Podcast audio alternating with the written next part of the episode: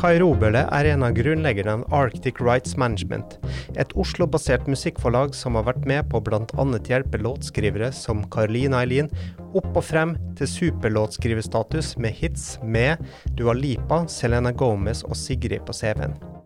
I denne episoden av The Music Manager har vi snakket med Kai om hvordan Dua Lipas New Rules ble til, hvordan låtskrivere bygger sine karrierer, forholdene for musikkforlag i Norge anno 2022, og får et innhør i hvordan det koreanske markedet fungerer. Denne podkasten blir til i samarbeid med Music Norwega, og mitt navn er Vegard Vaske. Kai Robele, du er en ringrev eh, i norsk eh, musikkbransje, og i øyeblikket så er du daglig leder i Waterfall Music, creative director i Arctic Rights Management, styreleder i Musikkforleggerne og nestleder i Tone og Styre. Gi oss en rask innføring i hva alle disse fire enhetene driver med. ja, Watford Music forlag er utgangspunktet for alt sammen. Uh, drevet Watford Music siden 1997 som norsk uavhengig forlag. Og min rolle i Musikkforleggerne kom jo med bakgrunn i den erfaringen. Um, Arctic Rise Management, hvor jeg er en slags kreativ direktør, det er en påbygning av Vodfold Music, der Vodfold Music er største aksjonær, men der vi har gått sammen med flere forlag og flere aktører for å skape et selskap med uh, tyngde nok, uh, kritisk masse nok til å kunne konkurrere med de internasjonale forlagene. Og arbeidet mitt da med Vodfold Music og Arctic Rides Management og min rolle da etter hvert som styreleder i Musikkforleggerne har gitt meg eh, styreplassen i Tono. Ja. La oss begynne med eh, Arctic Rights. La oss begynne i den enden. Um, eh, først, hvilke andre aktører er med på laget der? Uh, som i, I eierstruktur? Medeiere i, i Arctic Rights. Mm. Uh, der har vi I utgangspunktet så var det et oppsett med uh, Waterfall Music, Norsk Musikkforlag, uh, Obel, forlaget Obel, mm. og uh, Steinar Steinarfjell, ja. ja. Mm. Mm. Det var vi som Fra tidligere Warner Chapel. Stemmer. Mm. vi sammen med da Erik Brattås og Trond Tornes Eh, og deres uh, selskap, som de startet etter at uh, Erik gikk ut av The Orchard. Um, Digresjon Erik og um, Trond var jo da med å utvikle Fonofile i sin tid. Ja, mm. som da ble kjøpt opp av The Orchard. Og da satte vi opp dette også sammen med de to, for å få kompetanse fra den siden. Og i tillegg så hentet vi inn, fordi vi trengte kompetansen, så hentet vi inn Kjerstin Mangert eh, fra Sverige. Eh, jobbet 25 år i STIM og sitter i styre og ledelse i, i STIM, og i dag også styreleder av Svenske Musikkforleggerforeningen. Og det er kompetanse på rettighetsadministrasjon som vi rett og slett hadde manko på her i, i Norge pga. en mangelfullt utviklet forlagsbransje i Norge. Mm. Og hva, hva består organisasjonen i Arctic Rights av per i dag, november i dag, 2022? I dag er vi syv personer. Eh, to mer eller mindre ren admin, og fem på kreative siden, hvorav én ansvarlig for synk og lisensiering, Johan Husvik. Og så er vi fire på A&R, i A&R-teamet. Mm. Og er alle på bakken i Oslo, eller? Nei da, vi har uh, vår uh, international ANR, head of ANR, Linda. Hun sitter i Helsinki. Uh, administrasjonen sitter i Stockholm. Og resten av oss sitter her på Røverstaden i Oslo. Mm. Og er det, er det en Har du ikke et samarbeid med BMG, er det sånn? Det stemmer. det det er, det er en eh, såkalt subpublishing slash co-publishing-avtale, som betyr at vi har et samarbeid, men det er jo en uh, kontraktsfestet samarbeid for en, for en, avgrenset periode, så det er ikke noe giftermål. Det er en, en internasjonal samarbeidspartner for en begrenset tidsperiode. Mm. Bare gi kjapt, mange vet kanskje forskjellen på subpublishing og co-publishing? Nei. Um, en subpublishing-avtale er i, veldig enkelt sagt at vi har en internasjonal samarbeidspartner som forvalter våre rettigheter utenfor Norge eller Norden. Uh, der vi eier rettighetene, og de forvalter dem og innkasserer eh, pengene uh, som vi har krav på der ute i verden. Co-publishing, da uh, fundes også vår organisasjon med midler som gjør at vi koeier de rettighetene som vi signer inn til selskapet vårt. Og så har de for øvrig de samme oppgavene og pliktene på våre vegne internasjonalt som ved en subforlagsavtale. Mm. Og uh, Arctic Rights sin uh, roster, eller uh, hvor, hvor, mange aktive writers og artister har dere for øyeblikket? ja, vi har vel en rundt 55 artister, låtskrivere, komponister totalt. Og når du sier aktive, så er det et relativt spørsmål. Men jeg kan si Noen få av de er rene kataloger der artisten eller opphaveren ikke lenger er aktivt eh, eller aktiv. Men eh, de langt fleste er enten artister som skriver sitt eget materiale, og som fortsatt er aktive artister, eller låtskrivere, produsenter, komponister som, som er aktive og skriver enten for andre artister eller for film, TV osv. Mm. Um, det er jo uh, Eller ofte så er det jo at enkelte forlag spesialiseres av enkelte ting. At f.eks. liksom jobber med låtskrivere som eh, satser mot popsegmentet, men så har du enkelte forlag som mer satser mot eh, film og TV og reklame. Har dere gjort en liksom Har dere en liksom 50-50 av hver, eller? Um Prosentvis uh, er jeg ikke sikker. Vi har nok mer Vi har nok flere artister og låtskrivere, produsenter innenfor pop-segmentet uh, enn vi har liksom rene film-, TV-komponister. Men uh, det er bevisst at vi har en stor bredde. Altså bredden er fra helt over i, i k-pop og, og, og ren popproduksjon for eksterne artister, og over til rene film- og TV-komponister. Og den bredden gir oss en styrke på synkområdet, som er en viktig, viktig del av våre uh, inntekter. Mm. Uh, for å ha en mest mulig, i den grad det er mulig, en komplett katalog å tilby uh, produksjonsselskaper og de som trenger musikk. Så for Johan, som er vår synk- og lisensansvarlig, så er det viktig at vi klarer å bygge opp en katalog som har bredde nok til at han ideelt sett kan levere musikk til nesten hvilken som helst scene, en hvilken som helst TV-serie eller film. Eller mm. Er gode, eh, nei, er norske film-, og reklame- og TV-selskaper gode på å bruke uh, norske komponister og låtskrivere? bedre og bedre. Mm. Uh, det er mye opp til oss selv, egentlig, å bedre den situasjonen. For det handler om Det handler selvfølgelig om å vise at vi fins. Uh, synliggjøre norske forlag og norske komponister. Mm. Og så handler det om å sørge for at de prosessene som skal til for at et produksjonsselskap skal kunne bruke musikk i de sammenhengene de trenger det, at de prosessene er så enkle som mulig. Eh, og det er noe av det vi jobber med som forlag, og det er også noe av det vi jobber med i Musikkforleggerforeningen. og prøve å legge til rette for at det skal være så enkelt som mulig å bruke norsk repertoar mm. for norske produksjoner. Mm. Eh, du har jo jobba med musikkforlag i mange år. og eh, Hvorfor har det tradisjonelt vært så få aktive musikkforlag i Norge? Ja, det, det, er en, det, er en, lang historie. Prøv å dra det veldig kort. Major-selskapene var i Norge på 80 Opp til midten av 90-tallet så hadde major-forlagene kontorer i Oslo. Mm.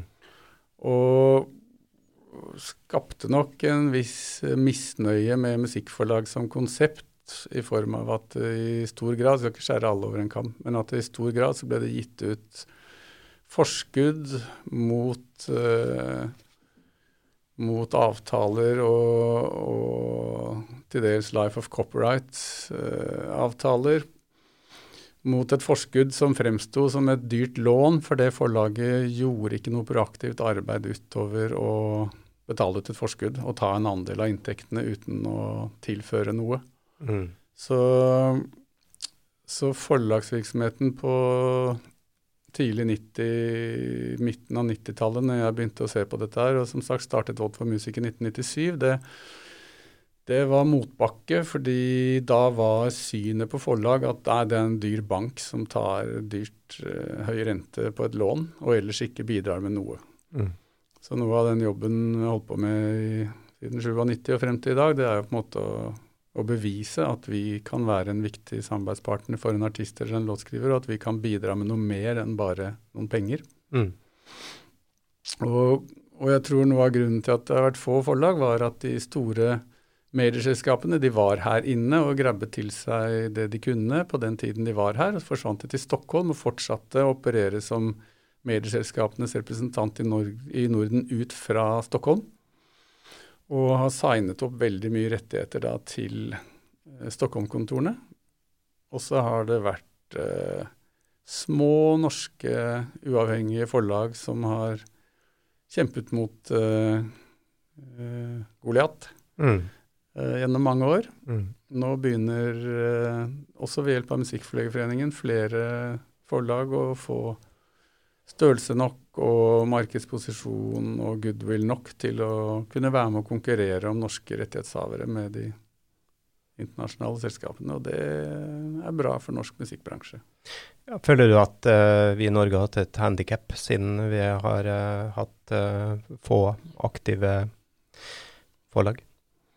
Ja, jeg tror det. Hvis du ser på Sverige, hvor hvis du ser på, Vi bruker ofte Sverige som et eksempel på vellykket musikkeksport og sammenligner Norge med Sverige og ser på tallene, altså veldig firkantet sagt, så har vel Stim en omsetning på et par milliarder, mens Tono har en omsetning på 700-800 millioner. Mm. Uh, og, og, jeg er ganske sikker på at uh, et aktivt forlagssegment i Sverige har vært med på å skape den generelle suksessen for svensk uh, populærmusikk, og ikke minst for svensk eksport, musikkeksport. Mm. Og at vi har hatt et handikap ved at vi ikke har hatt den medspilleren på laget. Og at gjerne da, når uh, de Rising Stars i Norge har kommet opp, så har de blitt signa i England eller USA istedenfor i Sverige? Ja. Mm. Eh, når jeg har jobba med norske låtskrivere og artister opp gjennom tidene, så har jeg ofte slitt med å få eh, overbevise dem om at eh, det kan være bra å la andre slippe til eh, i arbeid med å få låtene deres så bra som mulig.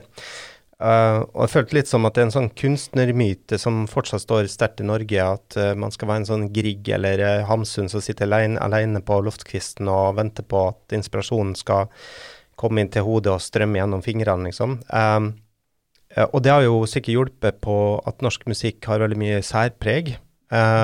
Og, men det har kanskje også gitt oss noen Satt oss litt tilbake i forhold til å beherske de kommersielle sjangrene. Ja. Hva syns du om tesen min? ja. Nei, som du selv sier, det er nok på, på godt og vondt, da. Mm. Uh, Island har hatt mange internasjonale suksesser som nok er basert på at de har sterk særegenhet. Mm. Sverige har hatt mange internasjonale suksesser basert på at de har vært flinke til å lære seg håndverket med internasjonal popmusikk. Mm. To helt forskjellige ting. Vi ligger kanskje et sted midt imellom. Men jeg tror Nå er vi out en, uh, på en uh, lang digresjon her, men uh, jeg tror jo det også har litt med at Reykjavik har vært et sånn, sånn, transportpunkt mellom London og New York, og Stockholm har vært på en måte hovedstad i Norden og sånn òg, mens Norge har vært litt i utkanten, både på godt og vondt. Ja, geografisk. Mm. Men jeg har jobbet med en del islandske artister, låtskrivere opp igjennom, og opplever nok de, siden du nevner dette litt sånn kompromissløse med at nei, vi skal gjøre alt selv og gjøre det på vår måte og ikke samarbeide med andre og sånn, så er det vel ingen jeg har opplevd som mer kompromissløse enn eh, de islandske artistene og komponistene jeg har jobbet med. Mm. Så det var derfor jeg nevnte det. Eh, Vi har jobbet med, si ut fra mitt eget ståsted, da, så har vi jobbet med mange norske artister som i utgangspunktet er enten singer-songwritere eller typiske artister som skriver sitt eget materiale. Og hvor det er forventet at uh, sånne type artister skal skrive sitt eget materiale. Vi har ofte, særlig med de som er engelskspråklige selvfølgelig, så har vi sendt de ut i verden og samarbeidet med folk, men da ikke Da sier du at nå skal du reise ut i verden og samarbeide med andre, for da skal eh, låtene dine bli eh, mye bedre, eller da skal de bli bra nok til å lykkes internasjonalt. Men øh, heller for å få erfaring. Mm. Eh, ikke nødvendigvis for å skrive de neste sangene til din egen plate, men for å få erfaringen av å jobbe med andre, for å se hvordan de jobber, hvordan de tenker. Og eh, jeg tenker så Melodisk så er mitt inntrykk at eh, norske låtskrivere og artister har et veldig sterkt melodisk, altså melodisk teft. Mm. Det tror jeg vi har her i Norden. Jeg tror det er derfor vi lykkes såpass internasjonalt generelt i Norden som vi gjør. da. Mm. Men når det gjelder tekst og tekstkonsept og øh, Selvfølgelig da spesielt med tanke på at man skal prøve å lykkes i eh, engelskspråklige territorier, så har det vært ekstremt øh, verdifullt for en del av de artistene å reise ut, jobbe med tekstforfattere, låtskrivere i engelskspråklige land. Og gjerne kommet hjem igjen og skrevet sine egne låter eh, alene, med røvingsklasse foran piano, men med erfaringene og tatt lærdom fra samarbeid. Så istedenfor å tre ned over hodet på kredible artister at de skal skrive med poplåtskrivere internasjonalt for å skrive hitene sine, eh, oppmuntre heller til samarbeid for å lære. Og så, så kan de velge selv hva de vil. Mm. Eh, Det er jo ikke til å legge skjul på at eh, mange av de samarbeidene som da har skjedd med norske artister, i, spesielt i England og USA, har jo endt opp med å bli fine sanger på disse artistenes plater fordi de selv har glad de, blitt glad i de sangene og ønsket å ha de på platene sine. Mm. Du har jo eh, Du begynte jo Du har jo vært eh, veldig delaktig tidlig i karrieren til Ina Brolsen og Carolina Eileen. Eh, eh, har jo gitt ut låter med Calvin Harris og Britney, og eh, Karline har jo hatt store hits med bl.a. Dua Lipa. Hva var det eh, Hva så du i dem, og hvordan hvordan, er, hvordan er de har klart å komme seg dit de har kommet i dag? Ja, det er et stort spørsmål. Um, uh, hva jeg så i dem? Jeg er ikke alene, vi har alltid vært et team.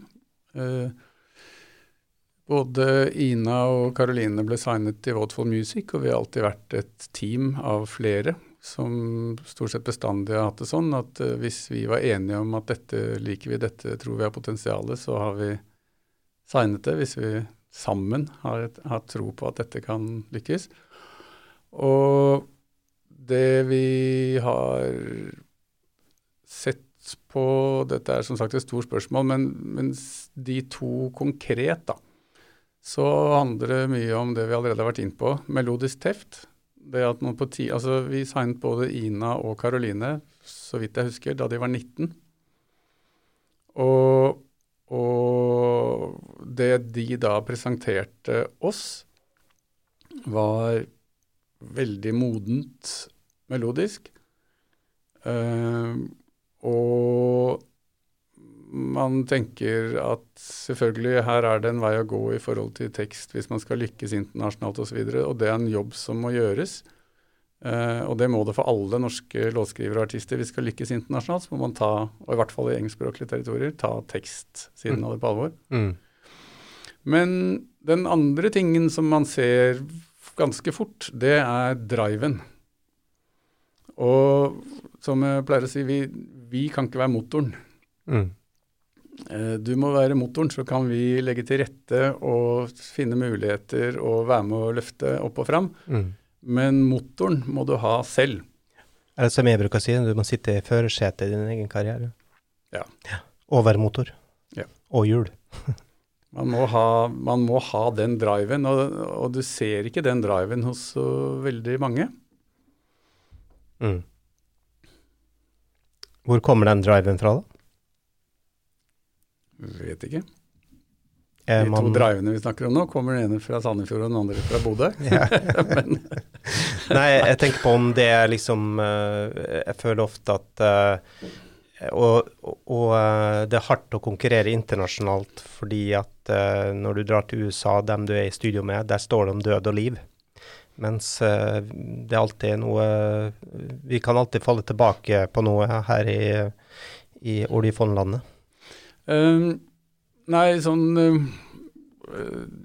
ressursmessig for mange av de vi har jobbet med Mm. som har lykkes, enten som artist, låtskriver eller produsenter, så har de ressursene til å kunne lykkes i, på mange felt. Mm. Men de har en drive som gjør at dette er det eneste de vil holde på med. Nærmest koste hva det koste vil. Ja. Og Ingen plan B. ingen plan B. Mm. Kjenner meg på en måte igjen. Mm. Vodfold Studio da jeg var 21, og det var ikke noen plan B. Jeg skulle, jeg skulle jobbe med dette. Mm. Ja, ikke sant. Som veldig mange andre i musikkbransjen. Så det er liksom No plan B, people. Eh, har du noen historier om hvordan noen av de store låtene som f.eks. Karoline har vært innblanda i, har blitt uh, til? Uh, ja, altså konkret eh, For Karolines del og Dua Lipa f.eks., da, så er det en sang som ble skrevet i en session. Som ble satt opp i samarbeid med hennes engelske management uh, som forlag. Og det er en viktig ting, for det som forlag for å lykkes internasjonalt, så har vi alltid trukket om bord internasjonale samarbeidspartnere for å være med å løfte uh, talentene opp og ut. Mm. Og, og det mest nærliggende er selvfølgelig å samarbeide med et internasjonalt management som har et nettverk der ute. Sånn som for Caroline Eileen, så hun en lang periode en, eh, en engelsk manager, Anne Sandig, som, som var veldig proaktiv og hadde tro på Caroline. Og det å dra et sånt lass sammen med noen der ute, gjør det mye mer sannsynlig at vi lykkes. Mm. Uh, konkret så var det en session som ble satt opp av Anne Sandig, så vidt jeg husker. Og låta ble i utgangspunktet ikke skrevet for Dua Lipa. Nei. Og det var også så vidt den kom med, og den kom ikke med som noen singel. Nå snakker vi om New Rules. Mm. Den kom med som et albumspor. Mm. Og den ble Og det handler nok eh, Det er min tolkning, men det handler nok ofte om politikk. Eller det handler om at hvis de som har skrevet låten ikke tidligere har hatt en stor verdenshit, så sitter det langt inne for en ENR-person å velge den sangen som en singel, Ja. uten å kunne lene seg på at her er det låtskrivere som har lykkes internasjonalt før. Mm. Eh, min tolkning. ja, ja, ja. Eh, Da men har Arne som ryggen fri hvis det ikke går bra med den låta. Ja, Ja. men det var jo Max Martin som gjort det her, så Nemlig. Man, eh, man kjøper seg litt fri for ansvar ved å lene seg på Og det syns jeg er veldig synd, da, for jeg føler ofte at det er, vel, det er så mye sinnssykt bra låter som er spilt inn i sessioner, som ikke går noe sted fordi at det er ikke riktige folka som har skrevet det. Jeg har liksom, jeg vet ikke hvor mange ganger jeg har eh, spilt opp låter for folk, og folk bare Wow, kul låt! Hvem har gjort den? To ukjente tyskere. Uff. Og det blir vanskelig å selge inn til artisten, liksom. Ja. Så Det er veldig mye politikk. Jeg skal bare fullføre, for i forhold til Karoline, da, så var det sånn den første sangen kom med på Dua Lipa-albumet, New Rules, og, og den ble da gitt ut som singel nummer seks, så vidt jeg husker. mm, Og så slo det virkelig, liksom. Ja. Og så var poenget mitt at uh, da har hun jo fått Mm. en plass. Så da ble hun invitert til låtskrivercamp med Dua Lipa mm, uh, for neste plate, og da kom neste låta. Da har du løftet deg opp og kommet over en terskel og blir invitert til å være med og skrive for og med artisten. Ja, ikke sant. Og det er jo bare så man eh, har det litt sånn til opplysning òg, er jo at uh, Anne Sandig, som du snakka om, hun jobber jo i Tap Management, som også har um, uh, hadde Dua Lipa, på, på, det tidspunktet i hvert fall. Og bare sånn litt sånn Hvordan det der med å samarbeide med an, aha, andre internasjonale samarbeidspartnere har hjulpet veldig i forhold til den spesifikke storyen der, da. Mm også ekstremt interessant det her med at folk tenker gjerne når man ser en nummer én-hit, så tenker man at uh, her har alle tenkt at this is the one, this is the big hit. Men så har du de tilfeldighetene der at det er liksom singel nummer seks som alle bare Ja, ja, vi får gi ut den låta der, da. Og så er det den som eksploderer. Mm. Så fascinerende. liksom You never know. Mm. Mm. Absolutt. Og det, det, er jo litt gjennomgående at uh, A&R-er ofte lener seg på andre i forhold til å ta en avgjørelse, noe som er helt forståelig. Altså, selvfølgelig har man masse selvtillit på at ens egen smak er god og riktig. og, og og, og, kan mene noe om hva man mener er en hit eller ikke, men jeg har nok erfaring med at uh, de aller fleste ENR-er de trenger at noen de respekterer, fortell, også forteller dem, i tillegg til at de selv liker låta, mm. at noen de respekterer også sier at uh, ja, dette er en hit, dette er en bra sang. Ja. Så kort innpå da politikken dette hvor vi samarbeider med managere der ute. Ja, men vi samarbeider også med mange andre bransjeaktører som kanskje ikke er så selvsagt. Mm. Uh, musikadvokater, radiopluggere, bookingagenter. Altså andre deler av Egentlig andre deler av musikkbransjen, men med folk som har kredibilitet og erfaring, og som kan være med å si til en ENR at denne sangen må du sjekke ut, dette, dette mener jeg er en hit. Mm. Og klarer du å få et par-tre sånne bransjeaktører til å si at uh, denne låtskriveren eller denne artisten eller denne sangen den må du bare sjekke ut, for det er, dette er en smash, liksom. Mm. Da har du kommet over en terskel. Ja, ikke sant. Uh, hva, hva, ser du etter uh, liksom når du Arctic Rights er på signing signинgjakt? Hva ser du, hva ser man etter da i en låtskriver eller en produsent? Ja, det har jeg sagt litt om allerede. Uh, ja, det er helt uh, nødvendig. Mm. Vi, vi, kommer ofte over talenter som vi tenker er veldig talentfulle, men hvor ikke vi opplever at den driven fins. Mm. Og da vet vi at jobben blir for tung. Uh, det er også en del sånn praktiske ting i forhold til å ha mulighet til å være villig til å reise. Altså skal du utvikle en produsent eller låtskriver i dag med tanke på internasjonal suksess, så må de ha anledning til å reise. Uh, både Ina og Karoline bodde i London i lang tid mm. før de lyktes. Det handler igjen mye om tekst, språk. Jeg pleier å si at uh, norsk skoleengelsk, når du skal prøve å skrive en, en, låt som skal bli en hit og være hipp for ungdom som bor øst i London eller i Bronx, og som er 18-20 år gamle, mm. det er tungt hvis ikke du har uh, vært der ute. Nei. Så de må ha anledning til å gjøre det som skal til, vilje til å gjøre det som skal til. Mm. Uh, skal man lykkes på det feltet vi snakker om nå, så må man være villig til å samarbeide. Åpen for å samarbeide. Mm. Ofte si ja til å samarbeide med låtskrivere som kanskje ikke ville vært ditt eget førstevalg, men som du var inne på i sted, som kanskje har felles management med noen du ønsker å få jobbe med senere. Mm. Og og på en måte aksepterer og forstå den politikken i forhold til å klatre på en stige og få jobbe med flinkere og flinkere folk, og ofte måtte jobbe seg inn mot de som du ønsker å jobbe med. Mm. Vi spør ofte når vi begynner å jobbe med en låtskriver, hvem vil du aller helst jobbet med her i verden? Mm. Og så kan man få en liste på en fem-seks navn med store internasjonale låtskrivere. Og det å gå rett på de, det er utopi. Mm. Man må jobbe seg dit finne veien dit ved å jobbe seg via av andre låtskrivere med felles publishere, felles managere, uh, felles musikkadvokater. Med de man ønsker å nå fram til. Mm. Så er det en stige å klatre på, og det tar tid. Ja. Veldig firkantet. Det tok sju år fra vi signet Ina Wroldsen til hun hadde sin første store internasjonale hit. Mm. Det tok sju år fra vi signet Carolina Lien til hun hadde sin første store internasjonale hit. Ja. Og så er det noe med det å vokse sammen med andre og få Altså eh, ofte at uh, hvis du setter noen i en session med noen andre der utgangspunktet hvem er det her, aldri hørt om, Uh, har ikke gjort noe cuts, det er ofte da uh, det blir veldig bra ting, kommer det veldig bra ting ut av det. Og mens fallhøyden blir nesten større når man jobber med folk man kanskje respekterer litt mye, da. Mm. Men eh, snakke om liksom bare snakke om ett marked, da, som og, norske låtskrivere og også artister som Peder Elias har gjort det bra i det siste året, er jo Korea. Um, Fortrin, fortrinnsvis Sør-Korea, ja. Ja, Sør-Korea. ja. Hvilke, hvilke, erfaringer har dere der?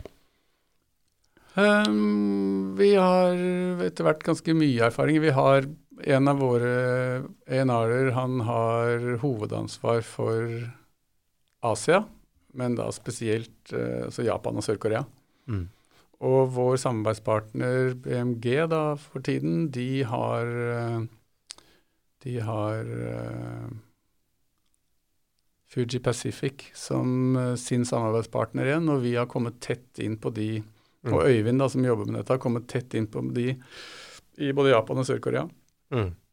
Og det er uvurderlig. Nå har vi satt opp flere låtskrivercamper der borte i det siste, hvor Øyvind har vært over med flere av våre låtskrivere i flere runder. Mm. Eh, Bl.a. med støtte fra Music Norway og musikkforleggerne, og som gjør det mulig å gjøre sånt.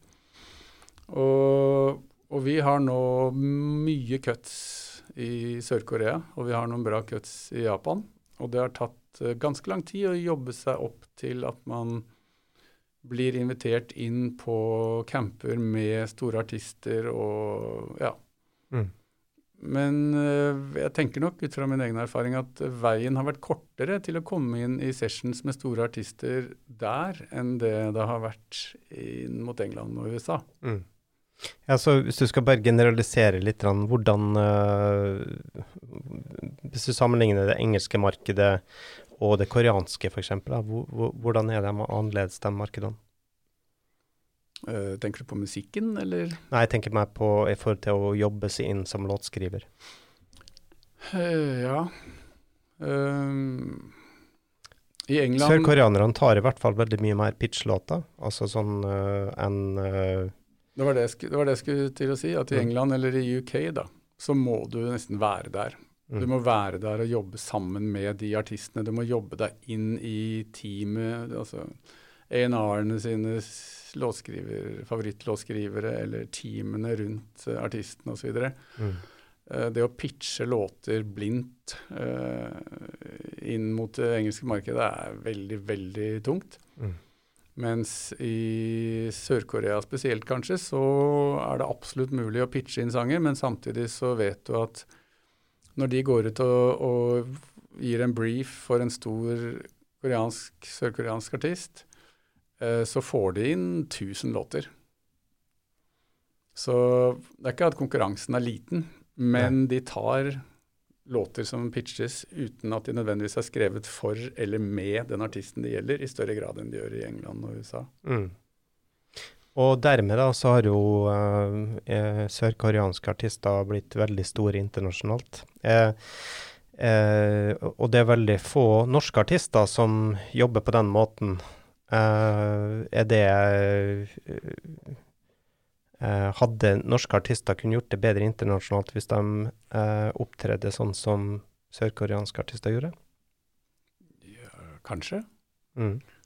Uh, jeg er tilbake til Hamsun-greiene. at uh, ja, artistene vil helst man, ja, Det kommer litt an på hva man ønsker, da. Men hvis det er internasjonal suksess for enhver pris, uh, uh, så, så tenker jeg nok at det å være noe mer åpne enn det vi har vært, i hvert fall historisk, da, ville gitt en raskere vei til internasjonal suksess.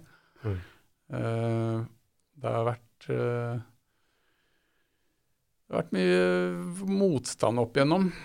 Men, men, det er jo på godt og vondt, da. Altså, vil du lykkes for enhver pris, eller vil du gjøre noe som du selv er stolt av, og hvis hvis verden vil ha det, så er det kjempekult. Og hvis ikke de vil ha det, tøff skitt. Det er dette jeg ønsker å gjøre. Jeg, jeg mm. skjønner veldig godt at uh, spesielt som artist, da. Mm. Man ønsker å ha integritet, uh, integriteten sin i behold. Man ønsker å ha, og det tror jeg er viktig, å ha, ha særegenhet. Mm. Verden trenger ikke en norsk kopi av artister som allerede er store der ute. Et norsk Blackpink. Mm.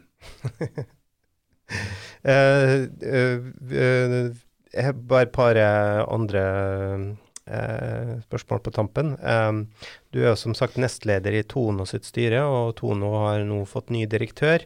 Hva er det vi eksportører kan forvente oss eh, at Tono eh, skal gjøre nå for å hjelpe eksportbransjen? Um, direkte så skal ikke vi som eksportører vente noe av Tono i form av å løfte norsk musikk ut internasjonalt. Men som norske rettighetshavere så kan vi forvente av Tono at vi samarbeider om hvordan vi skal beholde de rettighetene i Norge. Eh, det hjelper ikke oss så veldig mye å løfte norske talenter opp og ut i verden hvis ingen av pengene, ingen av rettighetene blir igjen i Norge. Og vi snakker med Musikkforleggerforeningshatten på meg, og som norsk forlegger så, så, trenger vi at Tono er moderne og med på å se hvordan kan vi legge til rette for at uh, store norske opphavere med internasjonal suksess velger å bli værende i Tono, mm. og at rettighetene blir værende i Norge. Uh, det er nok først og fremst der Tono kan være med å bidra til å skape eksportsuksess. For det Tono er jo ikke noen kanal for å få musikken sin ut internasjonalt direkte. Nå har Tono en, eh, en hub for å lisensiere sammen med andre nordiske land for å lisensiere norsk repertoar ut internasjonalt. og Det er jo i og for seg en, en kanal. så Tono kan så sørge for at det er en bra kanal. Eh, at det er det best mulige alternativet for Tonos medlemmer i forhold til å få norsk repertoar ut i verden. Mm. Men uh, det, det, har jo vært en, no, noe emigrasjon til f.eks. svenske Stim, som er jo det svenske Tono. Uh, hvorfor skal norske låtskrivere uh, velge Tono foran Stim? Si det på den måten, da. Ja, eller vice versa. Mm. jeg tror noe av grunnen til at noen opphavere har gått til Stim, er at de har et annet momssystem i Sverige. Der har de 6% kulturmoms og fullt fradrag. Mm. Uh, og det skaper jo egentlig konkurransefortrinn for svenske forlag og, og svenske profesjonelle opphavere. Ja. Uh, men den saken jobber vi med. Ja. Uh, det er noe Tono kan være med på å jobbe med, og det, og det gjør de også. Mm. absolutt. Eh, det er det jeg mener med at Tono kan være med, til å, være med å legge til rette rammeverket for at vi skal kunne lykkes og beholde rettigheter for det som skapes og eksporteres i Norge. Mm. Uh, utover det, uh, du får ikke noen flere penger uh, om du er medlem i Steam enn om du er medlem i Tono. Mm. pengene kommer gjennom de samme kanalene. Vi som forlag har internasjonale samarbeidspartnere fordi det er en del penger du ikke vil få automatisk bare ved å være medlem av Tono eller medlem av Stim. Mm. Uh, der må forlagene jobbe internasjonalt for å hente inn de inntektene. Uh, ellers så går du glipp av de. Ja. Uh, men du får ikke noe større inntekter på den bruken du har hatt internasjonalt, om du er medlem av Stim eller Tono. Nei. Siste spørsmål. Nå har vi nesten gått gjennom hele, resumeet ditt, skulle jeg si. eh, musikkforleggerne de er jo godt staffed up nå med Stine Lieng, som tidligere har jobba for Warner Chapel, eh, bak roret. Eh, hvordan, eh, hvordan, skal den organisasjonen bidra til å hjelpe eh, musikkforlagene, utøverne og eksportørene? Det er også et stort uh, spørsmål. Ja. Prøve bare noen Du har 40 sekunder ja, på det. Prøve noen stikkord, bare. Og det, det ene er at det fins midler gjennom uh, kulturelle midler fra Tono som Musikkforleggerforeningen disponerer og kan gi stipender og, og, være med å støtte og være med å bygge. Uh, det andre som jeg har vært inne på allerede, det er rammeverket. Altså Musikkforleggerforeningen jobber for å bedre til enhver tid, jobber politisk for å bedre rammeverket til norske opphavere og norske forlag. Mm. Norske forlag og deres opphavere er i samme båt. Uh, og, og, det politiske arbeidet som Musikkforleggerforeningen gjør sammen med NOPA, NKF og Tono, er ekstremt viktig for å sørge for at uh, opphaverne får penger når musikken deres blir brukt, mm. og at de kommer dit de skal. Og, og det sammen med kompetanseløft, profesjonalisering av norsk musikkforleggerbransje osv., så, videre, så er jo målet vårt er jo å styrke og bygge norsk musikkforleggerbransje. Og løfte den opp, og ideelt sett opp mot svenske nivåer, selvfølgelig. Eh, eller andre land det er naturlig å sammenligne seg med. Men uh, vi har ligget litt etter. Mm. Så absolutt en viktig, viktig, del av, eller viktig målsetting for musikkforleggerne, det er å, å bygge opp norsk musikkforleggerbransje. Mm. Bra.